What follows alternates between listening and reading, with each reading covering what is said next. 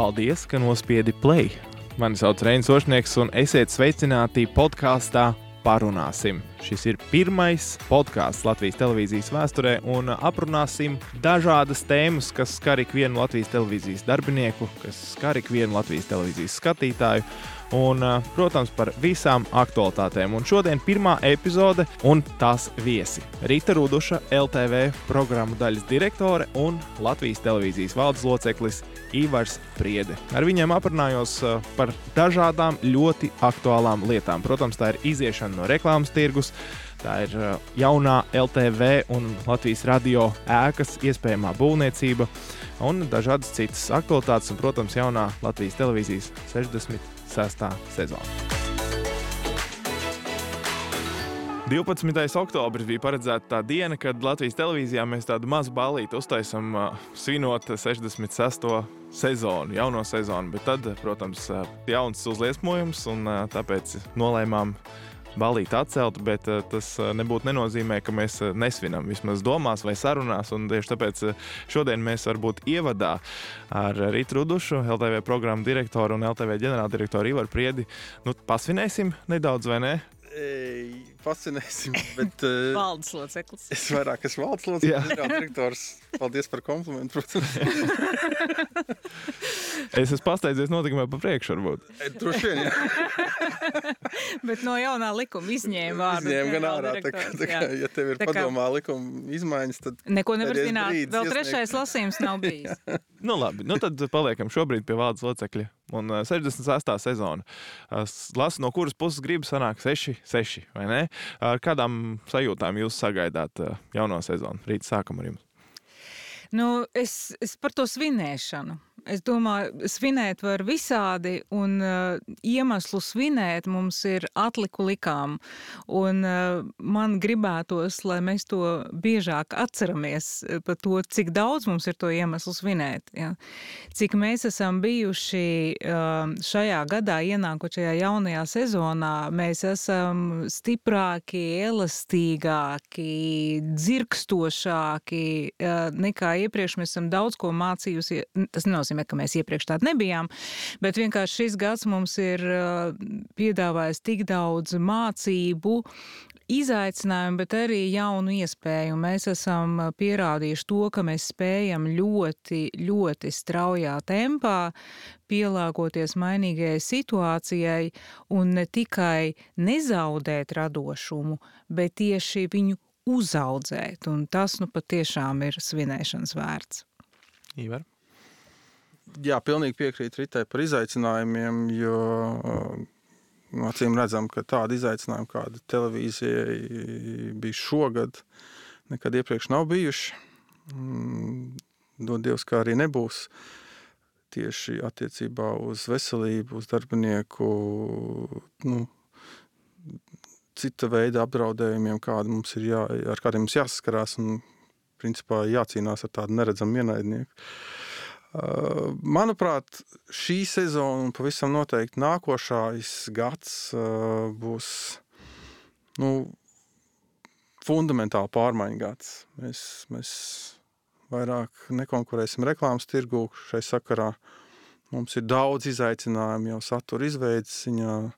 Mums ir visas iespējas strādāt radoši, visas iespējas realizēt sevi jau nerēķinoties ar, ar citiem faktoriem. Uh, kādi bija iepriekš, piemēram, jādomā, kādu likt un kādas reklāmas pauzes no tālāk. Tagad ir viss mūsu rokās. Protams, arī mūsu atbildībā. Tā kā darba būs daudz, bet, manuprāt, televīzijai ir, ir, ir iepriekš vēl nebijušas iespējas, tāpēc viņas jārealizē. Mm -hmm. jaunā sezona tā sākas rudenī, bet vēl viena kā jauno sezonu mēs varam saukt par 1. janvāri, tieši to iziešanu no reklāmas tirgu. Nu, jā, ja, jauno dzīvi, jauno dzīves posmu mēs, mēs rēķinām, no, protams, no 1. janvāra, jo tas nozīmē diezgan lielas pārmaiņas mūsu dzīvē un skatītāju pieredzē. Nu, pirmie jautājumi, protams, ir no skatītājiem. Visbiežāk, varbūt arī kāds ar kolēģis jautā kaut kādus jautājumus, bet jā, ko skatītājiem atbildēt? Ko, kas būs lielākās izmaiņas? Garāki raidījumi? Uh, jā, nu tas būtu tāds uh, visvienkāršākā atbilde. Tas nenozīmē, ka automātiski visi raidījumi būs garāki. Tas nozīmē to, ka mums ir lielāka elastība attiecībā uz garumu. Mums nav tas stingrais rāmis, kas, kurā līdz šim mums vajadzēja iekļauties. Tā tad nebūs komercreklāmu, bet uzreiz pasteikšos, pateikt, ka tas nenozīmē, ka reklāmu nebūs vispār.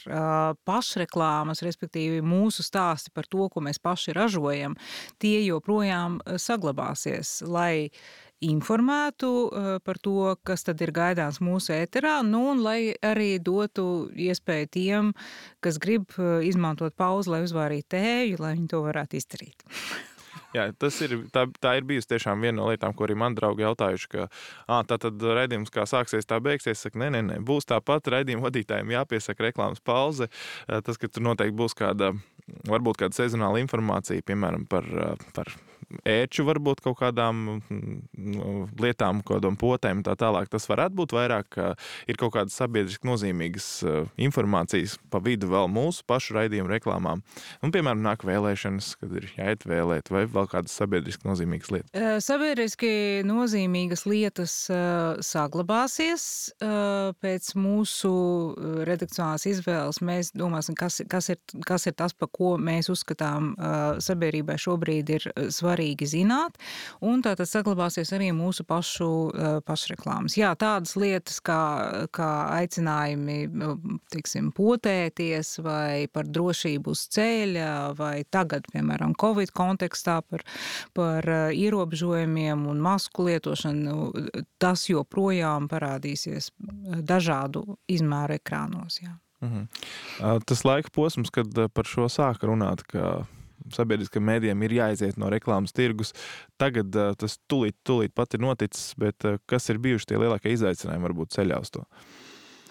Tie lielākie izaicinājumi, nu, acīm redzot, ir, ir paredzēt visus iespējamos uh, gadījumus, kad reklāma nevis kā komercreklāma, nevis kā, kā, kā naudas piesaistes uh, avots, uh, tomēr ir nepieciešama televīzijā. Mums ir daudz dažādi gadījumi, kas, kurus var saukt par izņēmumu gadījumiem, kur ir jāparedz likumā, jo šķietam jau, mēs varam teikt, nu, nebūs reklāma punkts. Ja.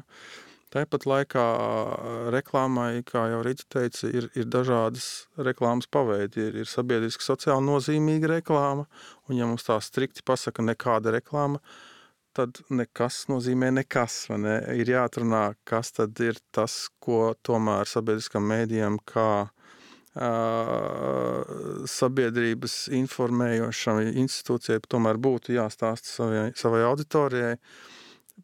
Bez tam ir arī citi vispār pieņemti principi, kuru ietvaros reklāmai ir piemēram objektīvi jābūt. Uh, ir, ir, ir dažādi eh, sabiedriski eh, vai cita veida fondi, kas veicina kultūras eh, satura izveidi un acīm redzami par viņu ieguldījumu saturā ir jābūt pieminētai arī, arī, arī atrunai un tā tālāk un tā tālāk. Un tas droši vien ir tas lielākais izaicinājums aptvert visus pamatotos gadījumus, kad, kad uh, viena vai oda, otra veida reklāmas eh, saturs tomēr ir nepieciešams. Tāpat laikā viņš nekropļo tirgu, tāpat laikā ir saprotams, ka televīzija neizmanto savas priekšrocības, lai, lai kaut, kaut kādā veidā, piemēram, negodīgi iegūtu papildus finansējumu. Tas ir diezgan sarežģīti, jo, jo šajā faktorā sadurās, protams, televīzijas intereses, ar komerc organizāciju interesēm, tā tālāk, tā tālāk, un tad ir nepieciešams vairāk kārtīgas diskusijas, un, un, un, un arī šķēpi tika lauzti ne pa jokam. Nu, šķiet, ka mēs esam nonākuši līdz kaut kam jēgpilnam, Uh, droši vien, ka kaut kādas astes un bluses leks vēl ārā, bet uh, to jau regulēs acīm redzot jaunizveidotā sabiedrisko elektronisko plašsaziņas līdzekļu padome, kad, kad ar savām ar savām vadlīnijām, tad, tad, tad tiks izveidoti rāmi un spēles noteikumi, lai sabalansētu to visu mēdīju tirgu un uh, patiesībā tā mēdītā optika stiprinātu. Nu, varbūt tāds vienkāršs piemērs, kultūras vai sporta ziņas. Piemēram, mums nedēļas nogalē ir kāda izstāde vai kāds koncerts vai kāds sporta pasākums. Mēs bieži vien runājam par to ziņās. Kāds varbūt sāks skatīties tagad, hei, ka tikai tā nav reklāma, ko tādu. nu, jā. kur, ir, kur, kur ir tā robeža? Tādā? Nu, protams, mums ir jāsāk dzīvot tajā realitātē jaunajā, kas būs pēc 1. janvāra, un tad liekas ārā šie gadījumi, kas attiecīgi būs jāizdiskutē un jāizrunā. Mēs esam nu, pēc vislabākās sirdsapziņas centušies paredzēt un arī argumentējuši saimas komisijā par to, kas varētu būt tie gadījumi, ka mēs, piemēram, nevaram uzņemties atbildību par to, ka kādā sporta translācijā tur fonā parādās logo, komerc, komerc logo, kas ir sponsorējuši šo te, šo te pasākumu, vai, piemēram, tad, kad mēs esam iegādājušies licenci kādai filmai, kur beigās ir trīs minūšu titri, un, un trešdaļa no tā ir dažādu atbalstītāju logo. Ja? Nu, tā tad ir, ir kaut kādi individuāli gadījumi, mēs esam centušies noklāt visu laukumu, bet noteikti būs, būs vēl dažādi piemēri, par kuriem, par kuriem tad mēs attiecīgi varēsim ar, ar jauno uzraugošo iestādi runāt. Nu jā, nu sporta realitāte arī ir tāda, ka atnāk Kaspars Stupels vai kāds cits sportists, un viņam uz krēkla ir viss krekls sastāv no vieniem logotipiem. Tad es arī domāju, ka nākotnē ciemos sporta studiju viņam būs lūgums uzvelkt lūdzu vienkrāsainu kreklu. Es atbalstu 400 nakts kreklu. Vai nāksies vairāk montāžās aizklāt ciet, kā tas ir redzēts varbūt uh, citās pasaules televīzijās. Ka...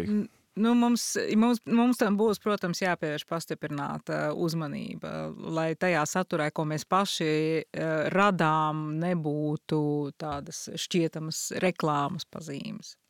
Es saprotu, ka bija diskusija arī par to, ka mm, valsts iestādes tagad vēlas kādu klipu parādīt, kas ir vai satversmes jubileja. Tad, tur, tur esat vienojušies šobrīd, kāda būs tā? Uh, Jā, par šo bija ļoti asas diskusijas. Tas bija ierosinājums uz trešo lasījumu, kas paredzēja, ka sabiedriskajiem mēdījiem par pienākumu tiks uzlikts sabiedriski nozīmīgu paziņojumu pārraidīšana, satversmes e, vērtību, apliecinošu paziņojumu pārraidīšana un ka šo te paziņojumu pārraidīšanas kārtību noteiks ministru kabinets. Mēs pret to ļoti asi iebildām, tāpēc, ka ministru kabinets nevar plānot Latvijas televīzijas programmu. To nevar darīt arī SEPLP To var darīt tikai Latvijas televīzija, jeb kas cits ir iejaukšanās redakcionālajā neatkarībā. Uh, tajā redakcijā, kas, kas tagad iet uz trešo lasījumu, vairs nav uh, ārējas institūcijas, teiksim, norādījumi vai ārējas institūcijas programmas plānošana Latvijas televīzijā. Tā tomēr paliek paša mēdīja izvēle, jo tas, ka mums būs sociāli nozīmīgi paziņojumi, tas ir pēc noklusējuma, tāpēc, ka mēs esam sabiedriskie mēdī, bet mums ir jābūt pašiem tai brīvībai izvēlēties, kas, kas tie ir un kā mēs to, un kādā laikā mēs to pārraidām, nevis uh, saskaņā ar rīkojumu no ārpuses. Priekšlikumā, manuprāt, bija um, atslēgas frāze pēc iespējas. Uh, līdz ar to nu, mums ir brīvība un savu iespēju robežās, tad redakcija arī izvērtē, kad, cik daudz, un, un nosaka, vai visi pēc kārtas paziņojumi, piemēram, būtu jāiesniedz skatītājiem vērtēšanai. Jo es pieļauju, ka šis būs pirmais, ar, ar ko mēs sadursimies, ka pēc 1. janvāra visi iespējamie, jebkuras institūcijas prāt, uh, sociāli nozīmīgie paziņojumi, kas kādreiz bija apmaksāts reklāmas, tiks iesniegt Latvijas televīzijā ar lūgumu, tad, tad eh, palīdzēt eh, tautai izprast vienu vai otru sociāli nozīmīgu faktu. Un tad darba sākumā būs daudz, jo, jo patiesībā visiem būs jāmācās pēc būtības. Bet mēs varam pateikt, mēs par to runāsim. Protams, protams, protams mēs par protams, to runāsim, protams, un, un mums būs arī varbūt, precīzi jā, jādefinē tie, tie kritēriji, pēc kuriem mēs tad izvēlamies, kuram paziņojumam būs būt ēterā un kuram nē. Bet, nu jā, tas, tas būs tad jaunajā mūsu dzīves posmā jāizskata. Nu, šobrīd mēs arī vienkārši modelējam teorētiski kaut kādas situācijas, ja, ka jā, jā, mums iesniegs tur desmitiem rullīšu un teiks pārraidiet, iespējams, ka tā nebūs, nu, tad jau mēs skatīsimies pēc 1. janvāra. Arī... Nu, mēģinājumi es pieļauju, ka tomēr būs. Kā mēs zinām, arī slikta reklāma ir reklāma. Tātad, ja mēs runājam par kādu konkrētu ēdināšanas uzņēmumu vai kādu, es nezinu, vienalga, kādu kompāniju, ļoti daudz tirzājot un pieminot to vārdu, nosaukumu firmas, to taču varēs darīt, vai ne? Tā, tāda reklāma drīkstēs būt. nē, nē, nē, nē, nē, tā nevarēs, tā nevarēs viss. No tā, no tā konkrēta ēdināšanas uzņēmuma pieminēšanas būs jāizvairās iespēju robežās. Nu, ja tur Protams, kāds pārkāpums un jātais par to sižets, tad jā. grūti būtu. Nu, tā ir cita, tas ir cits jautājums. Nu, mēs jau arī ne, nedomājam to novest līdz kaut kādam absurdam. Es domāju, ka mēs, ka mēs pieņemsim savus redakcionālus lēmumus, izējot tātad no, no konkrētā gadījuma un, un apsvērumiem, jo vispār nepieminēt vārdā, tiešām konstatējot kaut kādas pārkāpumus vai kaut ko analizēt, analizējot, nu, tas būtu absurdi. Ja? Bet tajā pašā laikā, ja mums ir kāds uh, izklaidējošs raidījums, kurā piedalās uh, pavārs no konkrēta restorāna, ja mēs 12 reizes pateiksim, ka viņš ir tieši no šī restorāna, nu, tas jau būs diezgan aizdomīgi. ko, ko varbūt Latvijas televīzijas darbinieki šajā ziņā izjutīs uz savas ādas vairāk? Tas nozīmē, ka tuvojoties gadu nogalē būs vairāk sapulces, vairāk izglītošana par, par, par to, ko mēs drīkstam runāt, ko mēs drīkstam rādīt, ko nedrīkstam? Uh, es domāju, ka nevajag baidīties no tā, ka būs ļoti daudz sapulču ar, ar garu skaidrošanu. Uh, mēs jau tagad esam, piemēram, ar ziņdienestu sākuši uh, izstrādāt vadlīnijas par to, kā, piemēram, runāt par dažādiem uzņēmumiem un, un tam līdzīgi. Eh, vadlīnijām būs jātop, eh, bet tas nebūtu milzīgs dokuments, eh, nebūs desmitiem sapulču. Mums ir jau esoši formāti, kuros mēs apspriežam lietas, redakciju vadītāju sapulci, piemēram, kurā tad, tad mēs arī līdz gada beigām tiksim skaidrībā ar tām pamata lietām, kas mums būtu jāzina. Citādi es gribētu atgriezties pie, pie tā, ko es teicu sākumā galvenokārt šis, šīs pārmaiņas ir jāuztver kā iespēja atkal radoši izpausties un iespēja strādāt eh, tādā brīvākā režīmā. Eh, mēs varam taisīt 5 minūšu raidījumus, un mēs varam taisīt 43 minūšu raidījumus. Un, un tas savukārt, nu, tam tā vajadzētu būt, ka tas atraisa kaut kādu tādu radošo dzirksti vairāk.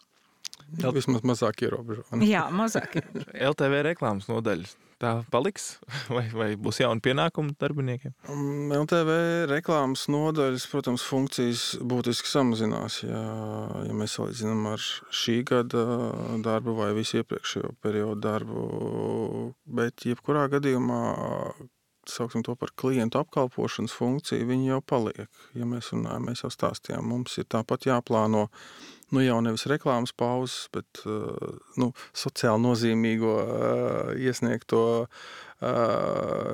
reklāmas klipiņu laiki.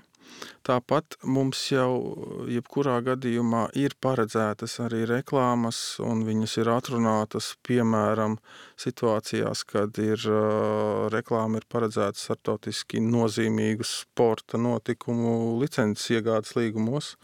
Nu, klasiku mēs varam pieminēt, ka ir, ir Olimpiskās spēles, Olimpiskās spēles. Ģenerāls sponsors uz šīs planētas, piemēram, ir McDonald's, un, un mums ir izvēle, vai nu mēs rādām McDonald's reklāmu un Olimpiskās spēles, vai mēs e, nerādām nevienu ne otru. Ne? Un tā kā mēs tomēr esam sabiedriskais mēdījis, kuram jāatspoguļo sabiedriski nozīmīgi, tā skaitā sporta notikumi, automātiski rodas saistības parādīt arī McDonald's reklāmu, un viņi ir jāplāno.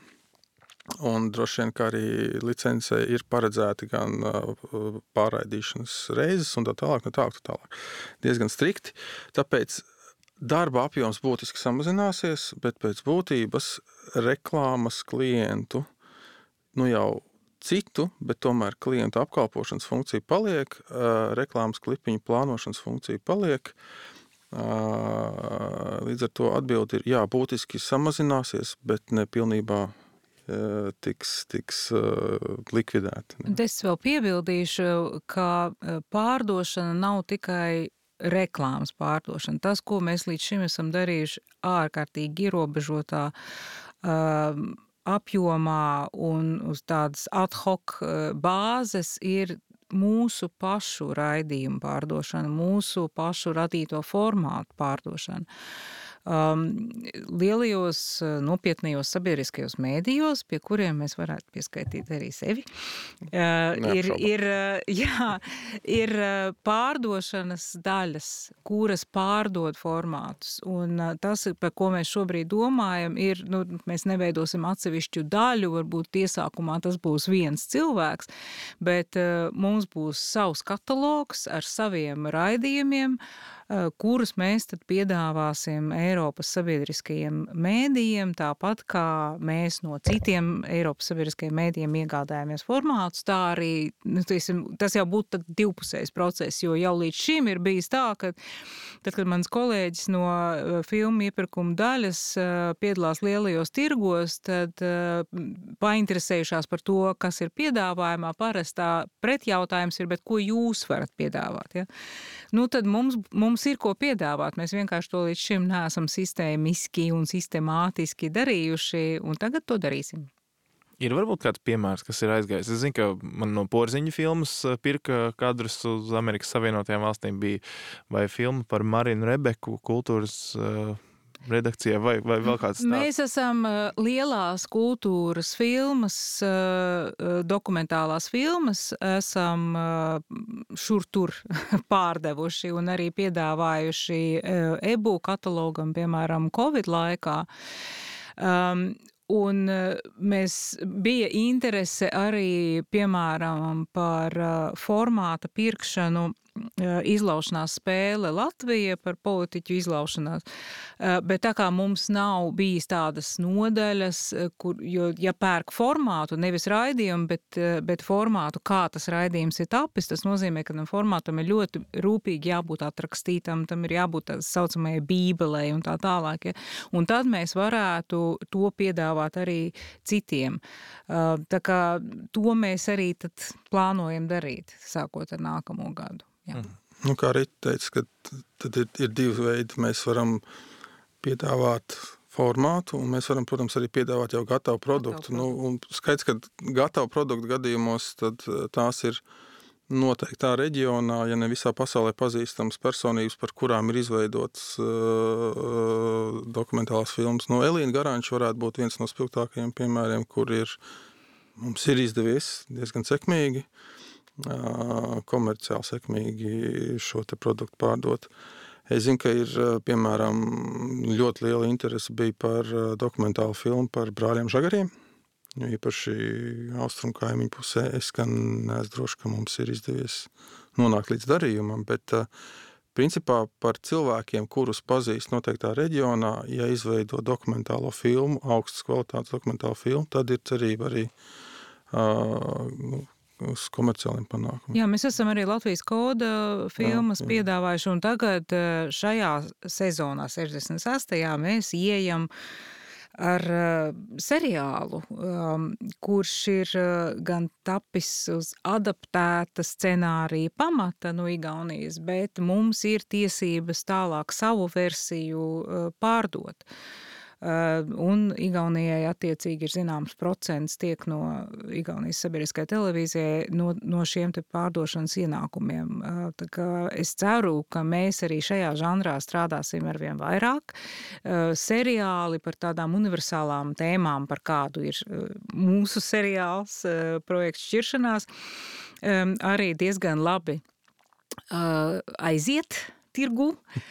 Tā kā mums būs ko piedāvāt, bet nu, ir jāsāk ar mazumiņu. Vispirms sev ir jāapkopo, kas tad mums jau ir un ko mēs varētu likt krāsainā, skaistā katalogā ar Latvijas televīziju uz vāka. Labi, par, par naudu parunāsim nedaudz. Viens ir tas kumos, kas ir bijis no reklāmas ieņēmumiem, un otrs ir tas, ko valsts tagad aizpildīs to caurumu. Tur ir diezgan līdzīgi tie cipari, ja salīdzinām.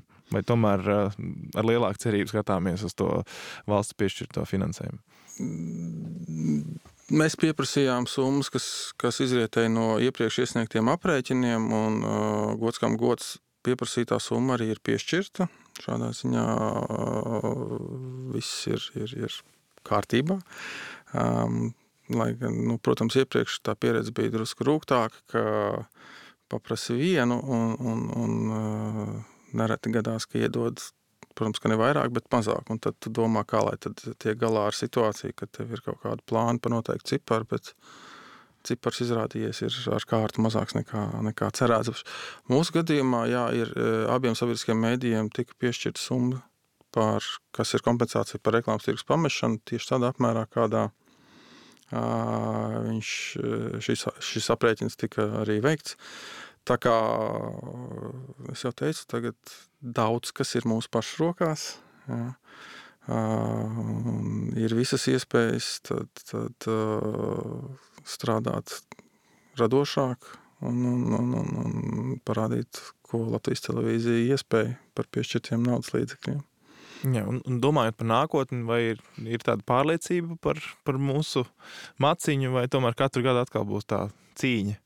Vai, nu par to jau var taisīt eh, veselu podkāstu sēriju, es domāju, jo, um, ja atminaties pirms gada uh, vizītē Latvijā bija ieradies Eiropas raidorganizāciju uh, asociācijas vadītājs no Alskurens, kurš uzsvēra tieši to, ka finansējuma modelis Eh, kas nodrošina adekvātu un prognozējumu finansējumu, ir ārkārtīgi svarīgs. Tas ir eh, viens no stūrakmeņiem vispār eh, tām, lai sabiedriskie mēdīji būtu neatkarīgi un spēcīgi.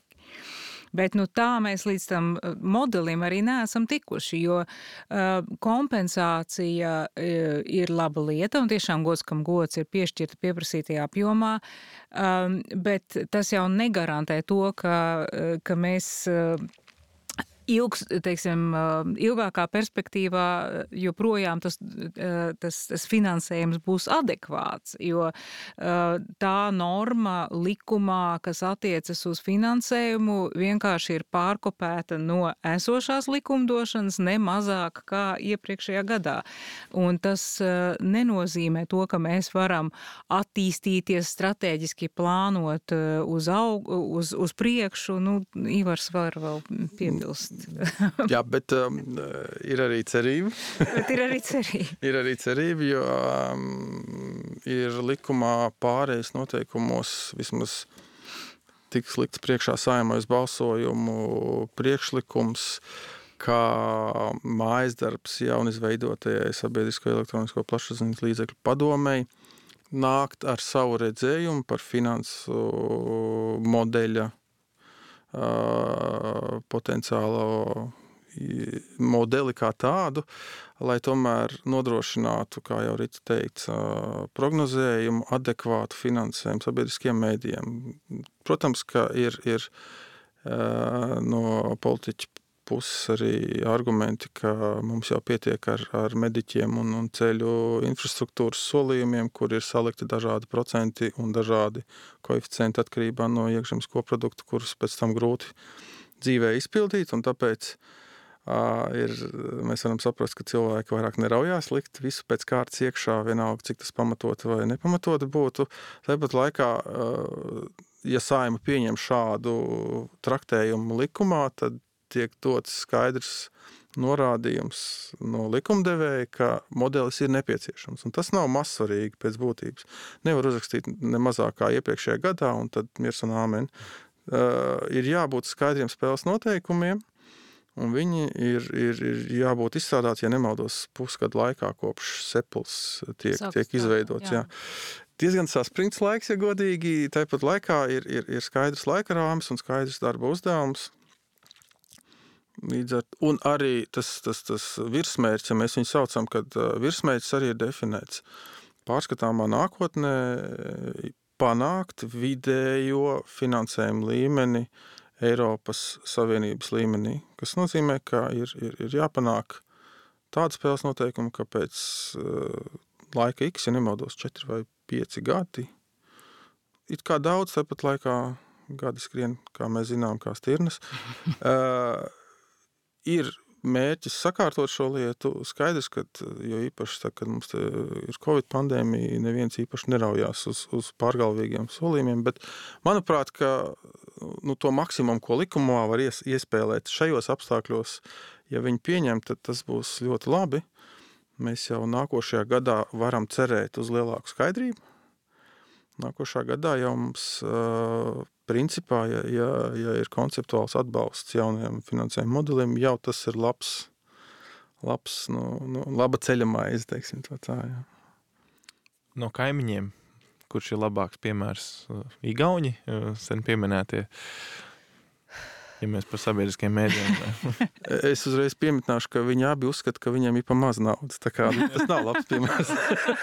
Naudas vienmēr ir par maz. Ja, teiksim, Igauniem, Igauni saka, ka viņi, viņiem nav naudas. Tāpat laikā, ja mēs skatāmies to, to proporciju pret iekšzemes koproduktu, es viņu vietā nokaunējies stāvēt kādā stūrītī un īpaši par to nerunāt, bet jā, ja prasa, kas ir labāks modelis, nav īsti labu modeļu, ir, ir, ir eh, būtiskākais ir tā izpratne. Kāpēc tad sabiedriskais mēdījis ir pelnījis finansējumu? Uh, un, ja tā izpratne ir, tad modelis arī atradīsies. Ja? Nu, Lietuvā, protams, ir koeficients pret, pret uh, nodokli, kas patiesībā rada visai lielu rīvēšanos arī politiķu vidū. Uh, man liekas, ka deputāti ir apstrīdējuši to jau viņu konstitucionālajā tiesā. Uh, šādu te modeļa nostiprināšanu likumā. Paši politiķi nav tagad laimīgi, un no tā rodas pārāk daudz streses. Igaunijas gadījumā nu, tur ir bijusi, es pieļauju, tāda stingra politiskā griba jau sen laiku atpakaļ. Par spīti tam, ka viņi saka, ka viņiem trūks naudas, relatīvi viņiem ir visvairāk. Es teiktu, ka ja ir tāds vispār pieņemts modelis, kuram, pie kura arī pieturās, tad ir ļoti labi. Tad, tad, tad tev ir tie priekšnosacījumi. Ja man likt izvēlēties, man būtu grūti izvēlēties. Es saprastu, ja man ir tagad piesaistīts finansējums pie nodokļu kādas likmes, tur ir skaidrs divi faktori. Tikko kā nodoklis krīt, mēs nevaram sūdzēties. Ne? Jo jums taču nodokļu likme ir tāda, koeficients pret nodokli tāda, ko jūs gribat, tā jūsu nauda. Pieņemot, ka var būt dažādas makroekonomiskas uh, nobīdes, nu, tur arī pastāv risks. Otrs, protams, ja, ja, ja uzņēmums tiek pārfinansēts, pieņemsim, ka viss ir labi un nodokļu ieņēmumi ir lieli, koeficients nodrošina pietiekoši liels ieņēmums, tas arī nav labi tad teorētiski sabiedriskajām mēdījiem jāskaidrojas, un nedodies viņš nespēja vienkārši fiziski apgūt to naudu.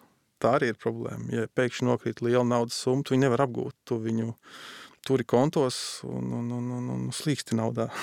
nu jā, bet tā kā ir tradīcija, e, e, pēc labākajām latviešu tradīcijām, mums vajadzētu apskaust igauņus. es domāju, ka viena, vienā jautājumā mēs viņus patiešām varam apskaust, un tā ir tā politiskā grība.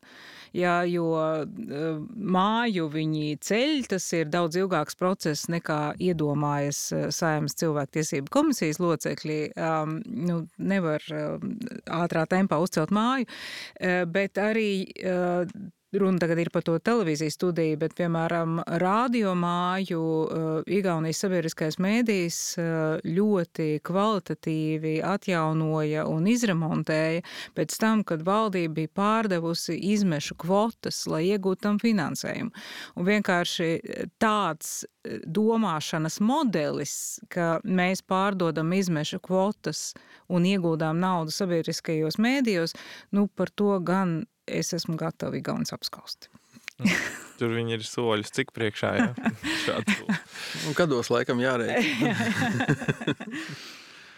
jā, māja. Māja tas ir aktuāls jautājums. Cik pa brīdim paceļās un šobrīd cik tas aktuāls ir? Vai šobrīd par to parunā, noliek kaut kur, vai, vai tomēr kaut kādā ziņā deg, deg tie termiņi, ka ir jāiztērē nauda, kas ir pieejama? Lielākā problēma, kur lai liek naudu. Jā, tā kā, kā brīdi atpakaļ bija tāda kā šūmēšanās. Un, ka tūlīt un uzreiz. Pārmetumi, jā, par lielo steigu un tā tālāk, bet uh, Nu, man tomēr gribās teikt, ka šī lielā steigā pirmkārt nav nekādi kritiski fundamentāli lēmumi pieņemti, ir vienkārši iesniegts pieteikums finansējumam, kas nav mazsvarīgi. Ja šādu pieteikumu padomu nebūtu iesniegusi, tad arī iespējas saņemt finansējumu tuvākajos gados būtu līdzvērtīgas apaļam skaitlim, kurš tuvojas nulē. Līdz ar to jā, nu, tas darbiņš ir padarīts. Tā, tā žargona valodā runājot, kāja ir durvju atverē ielikta, lai durvis nav aizcirstas ciet. Tas, tas darbiņš ir labi padarīts. Protams, ka tas kāda māja, cik liela, kurā vietā viņa atradīsies, par to mēs vēl droši vien eh, daudz un dikti redzēsim gan, gan, gan sabiedrisko mēdīju ēterā, gan citu mēdīju ēterā, jo par to ir tikai tāda kopīga izpratne un sapratne, ka visticamāk tā būs vienotā sabiedriskā mēdīja, viena uh, ēka. Uh, protams, jāņem vērā, ka Latvijas radio ir, ir savas iebildes tik tālu, cik, cik viņi uztraucas par, par viņu uh, studiju, kas ir Doma laukumā. Tam arī jārod ir izcinājums, redzēs, kā ies. Pat Jēkabielā jātaisa mazā studija. ja tas bija viens no iemesliem, kas, lai, lai valsts jā, amatpersonas var atnākt. Jā, nu, nu, tā, tā arī varētu, protams, nu, jā, runāt, bet, jā. Es teiktu, ka tik tā, cik, cik tas darbiņš ir pabīdījis uz priekšu, viss ir labi, jo, jo, jo ko vajadzēja izdarīt, to arī, tas arī paveikts. Jā. Protams, ka, ja mēs runājam par laika skalu, tad nu, kādi septiņi, astoņi gadi tur kā likts būs vajadzīgi. Un svarīgi, svarīgākais ir atkal, mēs piesaucam vārdu prognozējumība, jo šā, nu, bažas par, par, par, par izmaksām ļoti lielā mērā ir saistītas ar, ar, ar neskaidrību, un kas, kas savukārt ir sekas tam, lai, lai, lai teiksim, Latvijas televīzija neskaidrības apstākļos nu, nebūtu spiesta iegādāties uh, lielus tehnoloģiskos uh, aprīkojumu vienības, nezinot, vai viņas ir vajadzīgas piemēram nākamajiem diviem gadiem. Varbūt nav vērts pirkt, bet nu, pieskrūvēt esošās uh, vai arī tomēr viņas ir jāpērk, jo, jo, jo paredzamā nākotnē tam mēs nepārvācamies. Un tas ir ļoti būtiski, ja mums ir skaidrs solījums, kur ir pateikts, jums, piemēram, māja būs, un visticamāk, ka rēķinieties, ka ne pēc pieciem gadiem, bet pēc astoņiem, tad mēs savus kapitāla ieguldījumus arī atbilstoši plānojam. Mēs saprotam, ka pēc astoņiem gadiem mums ir vajadzīga jauna tehnoloģiskā vienība, un līdz astoņiem gadiem mums ir jādara viss, lai esošās nostrādātu godam. Nevis, piemēram, pēc pieciem nopirkt jaunu un domāt, ko tagad darīt. Ir kā jauna vienība, bet uh, pārvest viņu uz, uz jaunu ēku nevar. Tur slēpjas tas, tas prognozējumības uh, efekts arī naudiskā izteiksmē. Kā mēs zinām, tehniskais aprīkojums ir ļoti dārgs, profesionāls uh, tehnoloģijas ir ārkārtīgi dārgas. Līdz ar to būtiski ir, ir, ir paļauties uz solījumiem un viņus arī pildīt. Pārējo viss tad, tad jau ir, ir, ir nu, vairāk tādi rutīnas un tehnikas jautājumi. Es redzēju to Latvijas televīzijas uh, un Latvijas radio mm, projektu Es neatceros, kaut kad uh, gatavojot vienu prezentāciju, es uzgāju internetā, ka uh, šī ēka, kurā mēs šobrīd atrodamies, un tāda pati ļoti līdzīga bija blakus paredzēta kā radiomāja. Jā. Kaut, varbūt kaut kas tāds jāliek. Kā vēsturiskais jā, jādzīvina. Tepat Zaķa salā un taisam jaunu rokšu. Jā. Divas blakus. Un bāk, ka tur būs daudz emocionālu komponentu. emocionālu komponentu, jā. jā. Nu, turklāt, protams, arī tāda ēka, kāda, kādā mēs šobrīd dzīvojam, Zaķu salā, mūsdienīga mēdīja vajadzībām ir absolūti nepiemērota. Jā. Šis šaurais vertikālais plānojums galīgi nedara. Nu, un esam arī pārvākušies uz leju lielākā daļa. Nu, lielākā daļa, jā. jā. Nu, tas, tas, ko Rita arī saka, ka pēc būtības jautājumu vai jums gadījumā pēc nederētu, piemēram, kopā ar radio dzīvot šajā telpās, šajās telpās, nu, atbildi ir, tas maksās vienkārši dārgāk, jo tas, kas ir uzbūvēts 80. gadu sākumā, pavisam noteikti neder mūsdienu vajadzību nodrošināšanai, tas nozīmēs fundamentāli esošās ēkas rekonstrukciju, Un atkal, ja mēs runājam par prognozējumību, es neņemos prognozēt, ko mēs te atklāsim, ja atseksim visas sienas. vai gadījumu pēc jā, vai gadījumu pēc mums tas neizmaksās neparedzēti daudz ar kārtu lielākus līdzekļus. Tā vietā, lai vienkārši ņemtu un uzbūvētu to, ko abi mēdīji uzskata par nepieciešamu un mūsdienu prasībām atbilstošu. Bet, eh, nu, protams, eh, es, es tā jokoju par, to, par, to, par tām abām šāda tipa mājām blakus, bet, ja mēs tiešām domātu, tagad, es nezinu, vispār, kāda diskusija tur varētu būt ar arhitektiem, ar, ar to, kā uztaisīt, kur PTS automašīnas novietot, kur ir izbraukumi, kur ir studijas, to uztaisīt tik kompakti un gudri, vai ir kādi piemēri, kur, kur varbūt smelties vai radīt pašiem savu, un tas pats arī ir radio, studiju izkārtojums, ziņu dienesta telpas un tā visu uztaisīt tik mūsdienīgi un kompakti. Lai nav tā, ka uzbūvējam vienkārši māju un tur tiek. Jā, es domāju, ka ļoti labs piemērs ir Dānijas sabiedriskais mēdījis, kas ir uzbūvēta jauna ēka. Nepateikšu, kad, bet katrā ziņā pēdējo desmit gadu laikā tas ir noticis. Ārkārtīgi skaistā vietā pie ūdens, bet arī ļoti funkcionāli, kom, kompakti funkcionāli un ar pietiekamu vietu visām mēdīju vajadzībām studijām studijām un tā tālāk.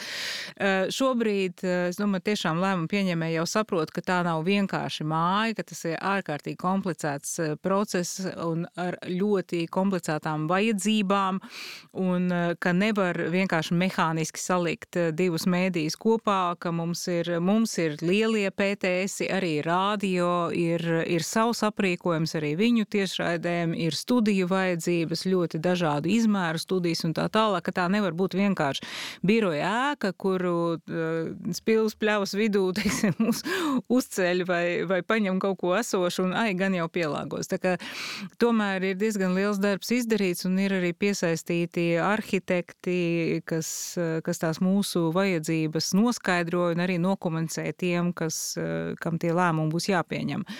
Nu, tagad gaidīsim, kas notiks tālāk. Jo... Nu, ja es pareizi saprotu, tad, tad nākamā gada vasara varētu būt jau, jau kaut kāda atkal starposmi lemšanai, tad jau redzēs, jā, nu, protams, sapnis varētu būt īpaši arhitektoniski vērtīga jauna ēka, ar kuru tad, tad mēs varam lepoties arī kā, kā kādu kultūras objektu. Ne?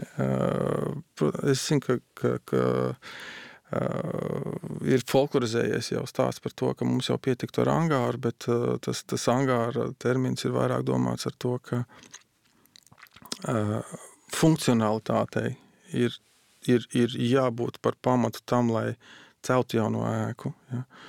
Uh, jo mūsu darbs pēc būtības jau nav sēdēt skaistos āklās birojos. Mums ir jābūt iespējai padarīt savu darbu, pie tam tik augstā kvalitātē, kā, cik, cik nu, esošie apstākļi to pieļauj. Un, ja mums ir iespēja pieprasīt to augstāko līmeni, tad kāpēc lai viņi neizpildītu?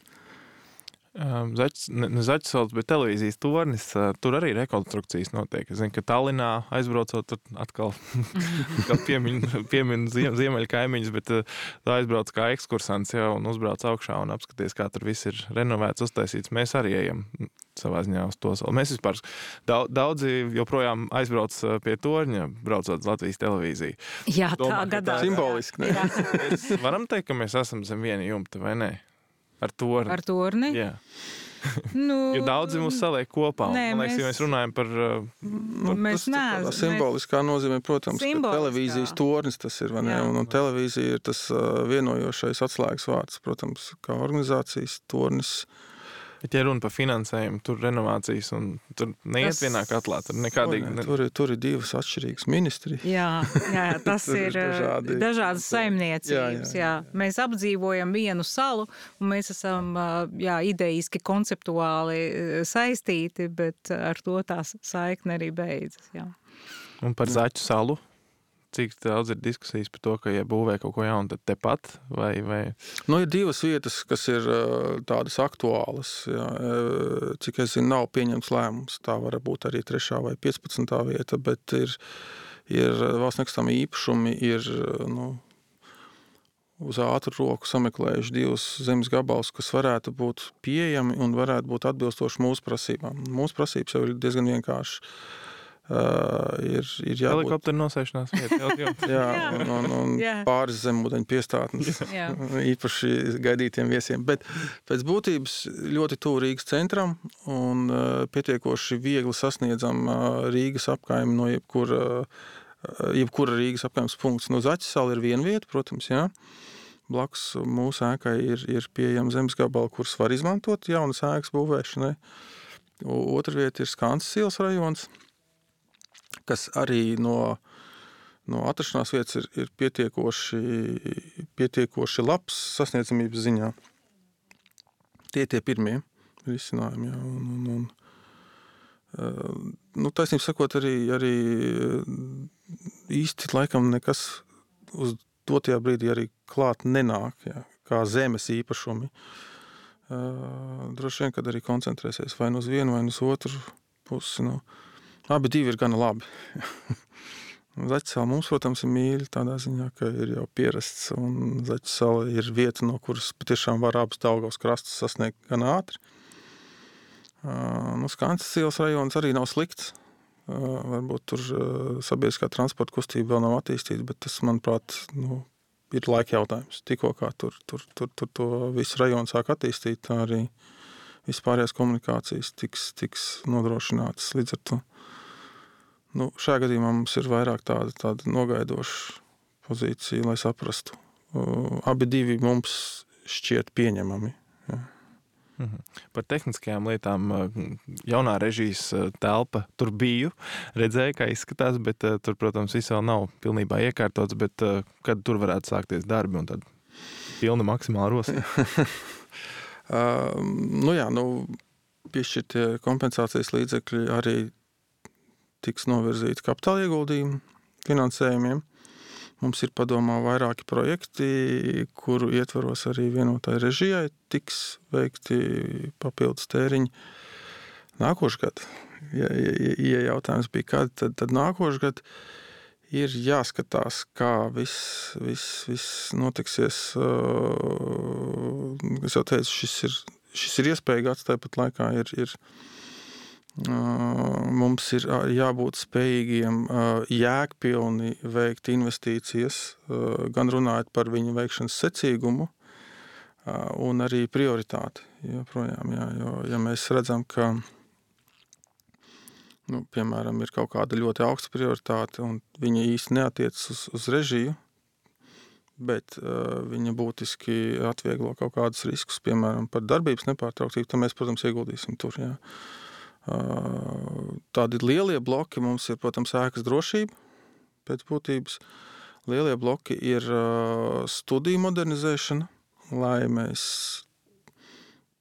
tuvotos simtprocentīgai HD apraidēji. Jā, ja mēs zinām, piks šogad tiks pabeigts, bet studijas pilnībā nestrādā HD režīmā, līdz ar to ir jā, jāstrādā ar studijām. Arī režijas ceļa sakarā ir jāpilnveido, un tad nu, soli pa solim uh, nonāksim. Es domāju, ka gads divi, un tad viss būs kārtībā. Varbūt uz 4K uzreiz vajadzēja. Jo Korejā bija 8K. autobusos, jā. Nu šis, tornī degs trūks. jā. To, protams, ir jāsarkst jau gadiem, ka mēs, ka mēs nerādām uh, HD.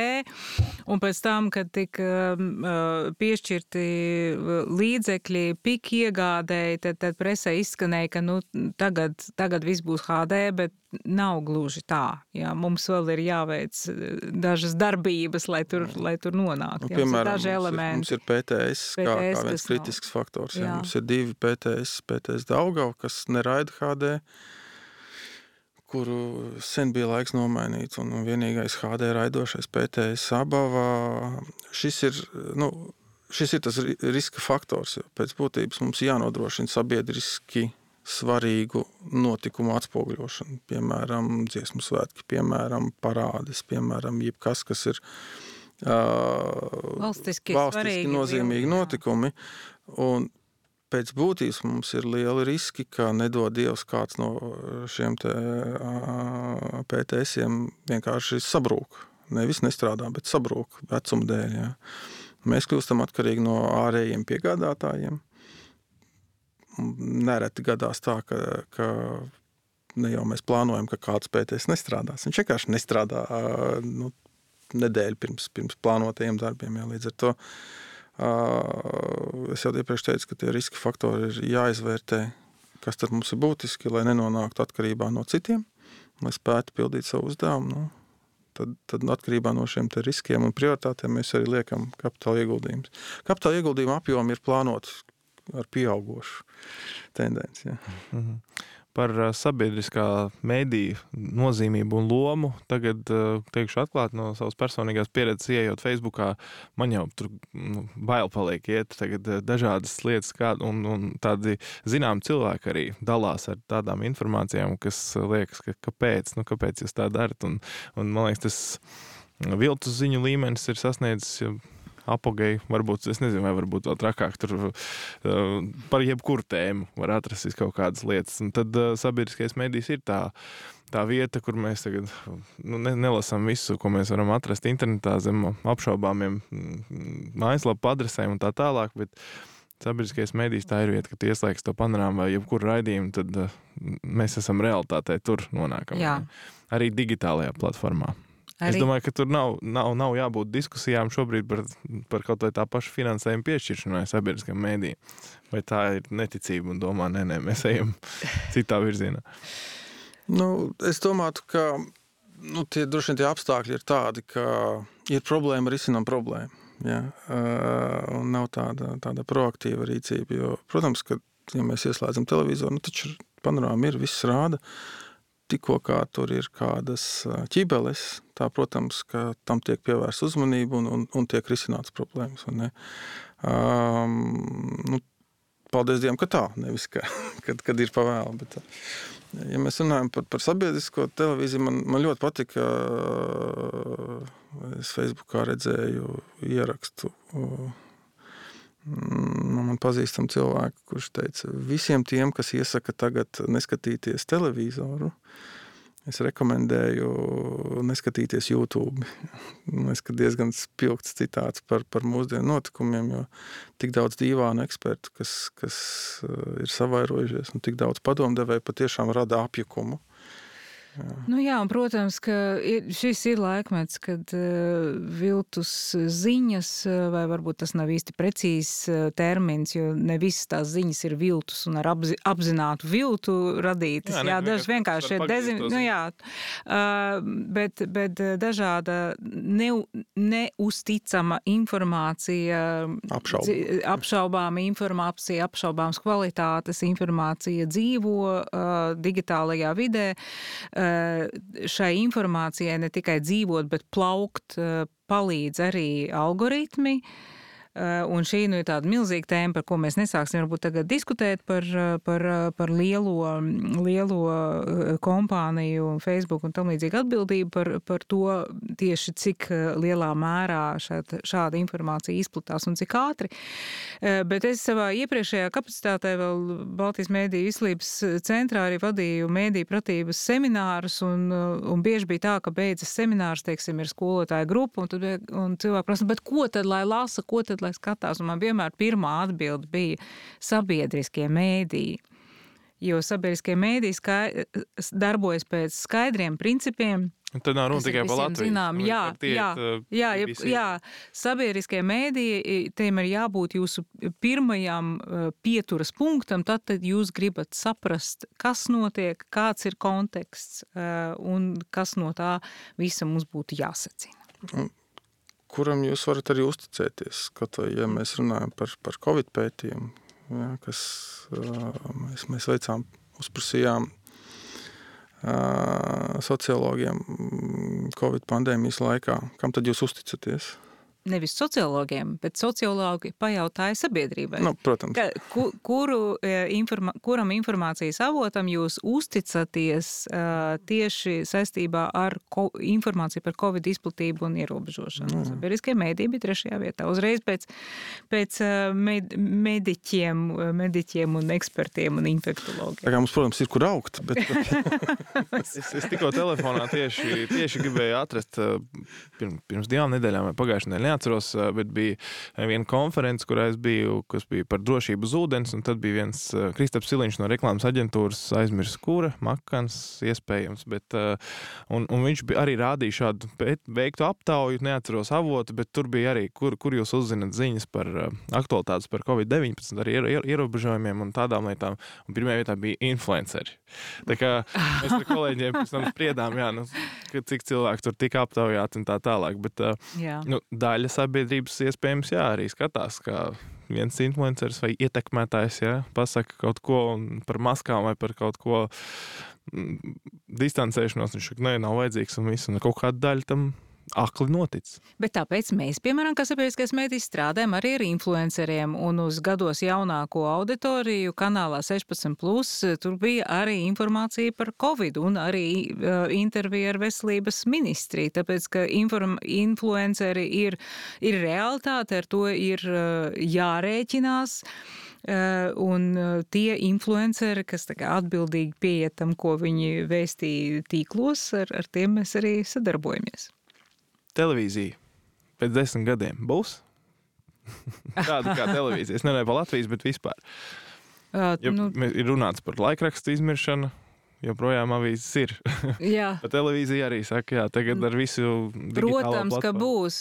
Viņi vienkārši nedzīvos eh, tikai vienā ekrānā, un jau tagad nedzīvo. Jo patiesībā, tad, kad pajautā eh, cilvēkiem, nu, vai jūs skatāties televīziju, saka, nē, es neskatos. Bet pēc tam izrādās, ka, ka tas pats cilvēks, piemēram, patērē tur shortcut vai Netflix, tā ir televīzija. Tas vienkārši ir cits pasniegšanas veids, tā ir cita platforma, bet tas saturs, ko tas cilvēks tur patērē, ir televīzija.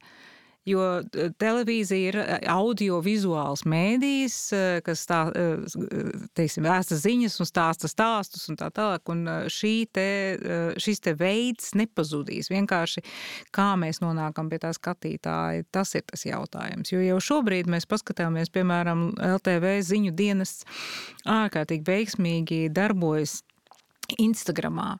Principā cilvēks var vienkārši skatoties Instagramā starp savu draugu skaistajām bildēm par, par sēnēm un, un ābolu sūs spiešanu, ja, uzzināt arī par to, kas notiek Baltkrievijā, kā pareizi lietot masku, noskatīties interviju, tur dzīve, dzīvē nav mēlrakstu un tā tālāk.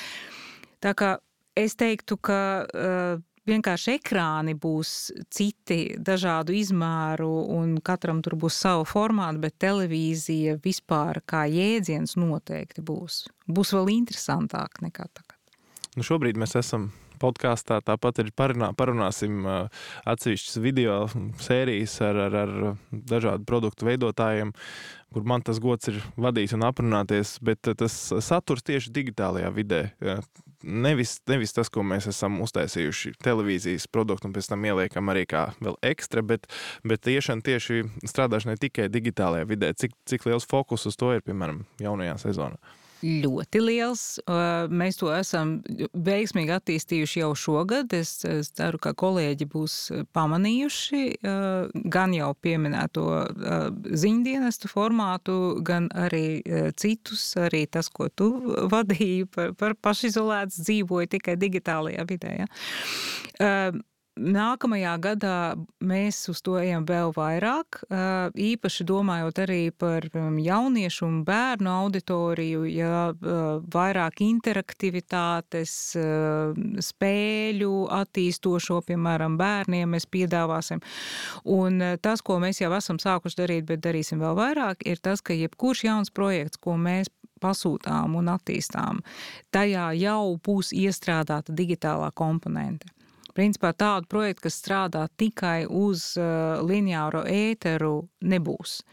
Uh, un tas, kas būs tas saistītais saturs, būs nevis paņemam uh, raidījumu, izgriežam un ieliekam LSM, bet tas uh, saistītais saturs būs savādāks, iespējams uz drusku citu auditorijas fokusu, kaut kādā veidā atvasināts, ja, jo, ja, piemēram, mēs rādām um, nezinu, nu man viens bērnu formāts nāk prātā tagad Urga Urda, kas ir sunītis stāsta, sunīts pats nestāsta, bet sunīts pied, piedalās, piedalās. Tas ir nākamais līmenis, padziļinātā. Tas ir jā, jā, jā, deepfakes, bet, bet raidījums, kurā sunīts ir galvenais varonis un par dabu, izglītošanu tā tālāk. Tajā pašā laikā bērnistabā ir, ir spēle ar šo pašu tēlu, kas ir animēts. Ja? Nu, tā tad ir visādi, visādi veidi, kā nonākt pie tās autorijas, un nevienmēr tas, kas būs redzējis kaut ko ēterā, pēc tam lietos arī to, kas eh, ir digitāli, un otrādi. Mums ir jāspēj strādāt visās vietnēs, kur auditorija ir. Jā. Tā kā digitālā satura noteikti būs vairāk pilnīgi visos eh, satura virzienos, gan ziņās, gan kultūrā, gan, gan sportā, gan bērni un jaunieši. Tā. Jā, man ir daudz draugu, kuri arī runājot par sporta studiju. Viņi saka, ka mājās kaut kā neatliek laika to raidījumu noskatīties eh, tādā formātā, kā no sākuma līdz beigām, bet viņi patērē visu, kas ir YouTube. Nu, tā kā, Jā. tā kā ir tādi, kas tiešām dzīvo tikai tur un, un patērē to to saturu tikai, tikai un vienīgi YouTube platformās. Nu jā, un tur, kur ir, ir tā auditorija, tur ir jābūt arī mums, bet mums ir tajā vietā, kur tā auditorija ir, jārunā ar tai vietai piemērot, piemērotā valodā. Jā. YouTube nevar likt vienkārši mehāniski raidījumus. Jā. Tur ir īpaša valoda tieši tāpat kā Facebookā ir jārunā savādāk nekā Instagramā, un TikToks ir pilnīgi cita pasaule. Tieši gribēju no TikTok jautāt, jā. Jautājums, vai viņš būs būs šobrīd kā aplikācija pieejama. Vai labi, Amerikā es nezinu, kā tas stāsts beigsies, bet, eh, bet jā, nu, tur arī tur jārada saturs. Ja mēs gribam kaut kādā veidā to jaunieti uzrunāt par, eh, par kādām aktuālām lietām, tad vienkārši jādomā, kā, kā to informāciju iepakot tieši tam. Jā, nu, jaunietim. nu, tieši jaunietim piemērotā, piemērotā veidā. Un, eh, nu, tās aplikācijas, kas ir aktuālas auditorijai, tās ir aktuālas arī mums. Tās mēs arī ap, apsveram, tad, kad domājam par kaut kādu jaunu satura veidošanu. Un ziņas un TikToks, piemēram, jau tagad ir augoša tendence arī Eiropā. Mhm. Gads strauji tuvojas noslēgumam, un es atceros, gadu sagaidot, likās 20, 20, cik skaisti cipari, skaists gads būs. Bet, kāpēc, kā sagriezties kājā? jā, nu, jāatsaka, jāatzīst, ka ļoti daudz jauna, jauna jā. pārdzīvojuma un piedzīvojuma. Gads, teiktu, jā, bet jā, nu, tas trakākais, ka mēs nezinām, kā tas beigsies un cik tālu vilksies. Es, es vēl ar kaimiņu, ar sunu staigājot, mēs smējāmies, ka Covid-19 nu, 20. gadam vēl piestāv, bet 21 jau tur jādomā, kāds cits nosaukums vīrusam. Bet, uh, par to, jā, kā, kā šis laiks ir ietekmējis darbu televīzijā. Ar, ar viesiem, kas nāk, ir jāparaksta uh, dažādas veidlapas, ka tu neesi kontaktējies un tā tālāk. Tad ir distancēšanās. Kāda var būt televīzijas nākotnes un kā mēs tikām galā varbūt ar to, nu, distancēto zoom versiju, ka mēs redzam tās sejas attālināti, bet eh, domājot varbūt par nākotni, vai jau ir varbūt kaut kādas stiklotās studijas, kur viesis ienāk pa vienu pusi un vadītājs pa otru pusi. Nu, manuprāt, mēs tikām galā ļoti labi ja mēs ņemam vērā to, ka televīzijas īpatnība ir tāda, ka nevar pēkšņi visu paņemt čemodānus un strādāt attālināti. Līdz ar to, manuprāt, ka veids, kā mēs mobilizējāmies, un jo īpaši es gribu izcelt radošos un, un, un tehniskos darbiniekus par jauniem projektiem, kādi radās tieši nu, par spīti Covidam, nevar teikt, pateicoties Covidam. Ne. Uh, manuprāt, tas ir izcils piemērs mūsu varējumam. Jā, kas būs tālāk, nu, nu, man grūti spriest. Es gan ceru, ka, nu, tā, ka šis nav tāds standarta agregāts stāvoklis, ka cilvēkiem ir jādistancējas un principā jādzīvo zināmā fobijā, ka tik kaut kas nenotiek. Tas tāds, man liekas, pārāk neorganiska uzvedība nu, novedīs pie, pie uh, individuāliem burbuļiem. Cilvēks staigās savā burkās bez mazliet skafandros. Es domāju, ka tas, nu, tam vajadzētu pāriet. Protams, ka secinājumi ir dažādi. Viena lieta, mēs acīm redzot, iemācījāmies strādāt attālināti, kas iepriekš šķita diezgan nērti, nu, dzīve piespieda. Ir, ir, ir savi plusi. Tu vari norganizēt sapulces, kuras tu kādreiz varbūt uh, neplānoji vai plānoji mēnešiem iepriekš. Tagad tas ir vienkārši pāris klikšķi jautājums, un jau Un tās mm. sapulces, protams, arī attiecīgi paņem mazāk laika. Ja, jā, jā, jā. ja, ja ir uz katru sapulci kaut kur jābrauc, tā, tad izrādās, ka visu to pašu var nokārtot tiešām ar pāris klikšķiem. Es gan, protams, smējos, ka mēs esam jau cik mēnešus Covidā un joprojām katra Teams vai Zoom sapulce sāks ar to, vai tu man dzirdi, vai, vai mani dzirdi, vai mani redz, un kaut, kaut kas mums tomēr vēl reizēm ķerās. Tā kā, jā, es domāju, ka tā elastība attiecībā uz to, kur tu to darbu veids, tas ir ieguvums. Arī tas, ka mēs, mēs paši sev atgādinājām, kā mēs spējam mobilizēties un ārkārtīgi straujā tempā ne tikai pieņemt lēmumus, bet viņus arī īstenot. Ja. Eh, divi eh, piemēri, kurus es ļoti gribētu pieminēt un eh, gribētu pateikt milzīgi paldies visiem iesaistītiem, visiem kolēģiem. Pirmais ir panorāmas laika pārcelšana, kas bija šogad jau tagad gandrīz aizmirsies, jo mēs jau esam pieraduši strādāt pēc jaunā tīkla, bet, bet tanī brīdī mēs par panorāmas laika maiņu bijām runājuši gadiem un apsvēruši to, un ir notikuši dažādas prāta vētras un darba grupas un tā tālāk. Bet tā kā Covid, Covid piespieda un no no tā lēmuma pieņemšanas līdz uh, faktiskajam, uh, ma, faktiskajai maiņai, tā tad pagāja tikai pāris dienas. Ja?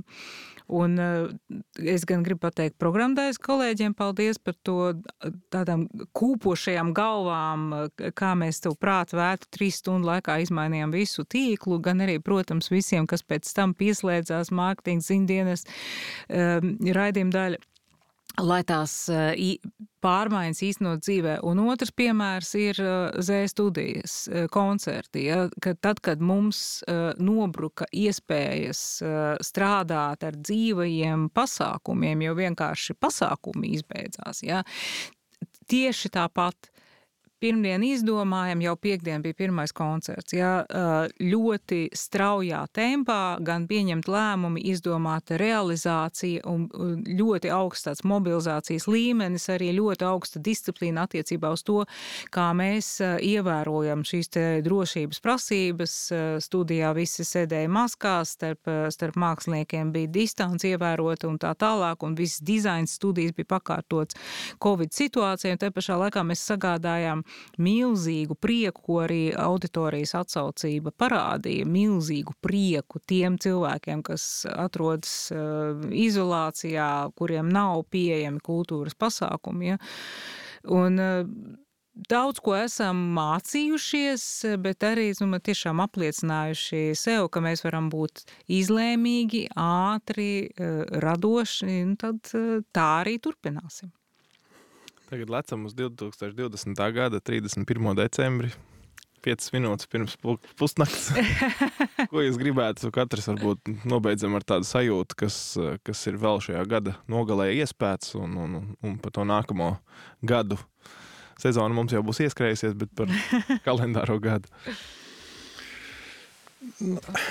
Es mēģinu tādu, tādu pieiet tam pagātnes notikumiem kā tādai nu, zināmai nu, svētībai pēc būtības. Jo, kā jau Rīta teica, šis gads bija notikumiem un spilgtiem notikumiem bagāts. Ne? Mēs, ja mēs runājam par 18. gadu, tad viņš arī bija spilgtiem notikumiem bagāts. Tālāk, bet 20. gads bija īpašs, un tāpēc man liekas, ka tās, tās īpašās nu, spējas, ko mēs nevis ieguvām, bet patiesībā apliecinājām. Tu nevari iegūt pēkšņi no nekā, kaut kas nerodās. Ir, ir jānotic sev. Droši vien, ka tā rutīna arī nedaudz nu, piebremzē to zobratu kustības sinhroniskumu un ātrumu. Bet tā teiciens, ja mēs gribam, tad mēs varam un, un, un, un vajag tikai sagribēt. Nākošais gads nu, tās būs tās iestrāžu sekas tam, ko mēs šogad esam paveikuši un ko mēs šogad saplānosim. Jā. Neapšaubām, nākošais gads būs tas, kur uz mums skatīsies. Tāpēc, ka nākošais gads būs pirmais kaut vai no, no jebkuriem iepriekš izrunātajiem apstākļiem, kur ir pamainījušies reklāmā, lielas investīcijas, daudz dažādu satura piedāvājumi. Nākošais gads ir mūsu gads, kur mēs patiešām varam parādīt, uz ko mēs esam spējīgi. Kāpēc mēs to nedarītu? Tāpēc jāskatās noteikti ir cerīgi. Mums nav iemesla domāt, ka ir kaut kas tāds, ko mēs nevaram. Mums ir visas iespējas. Pie tam nu, to šķēršļu, manuprāt, vairāk ir mūsu pašu galvās nekā kaut kur citur. Tik uz priekšu. Nu, tik uz priekšu. Man, es, es tikai vienu mirkli pirku. tik uz Neteikšu, priekšu. vienu mirkli pirku. Hashtag jauda. Nepazaudēt un attīstīt tālāk. Un to arī novēlam ikvienam. Gan šajā gada nogalē, kas vēl jāizvelk līdz galam, tad jāizvelk 21. Kur nu jāizvelk? Nu, kas tas par vārdu? Jānobliek. Nu, emo emocionāli jāizvelk, bet uh, no jaudas viedokļa jāno, jānobliek. Jā. Jā. Paldies, kolēģi. Paldies. Prieks ar jums parunāt un tiekamies darbos. Tev var paldies. Paldies. paldies.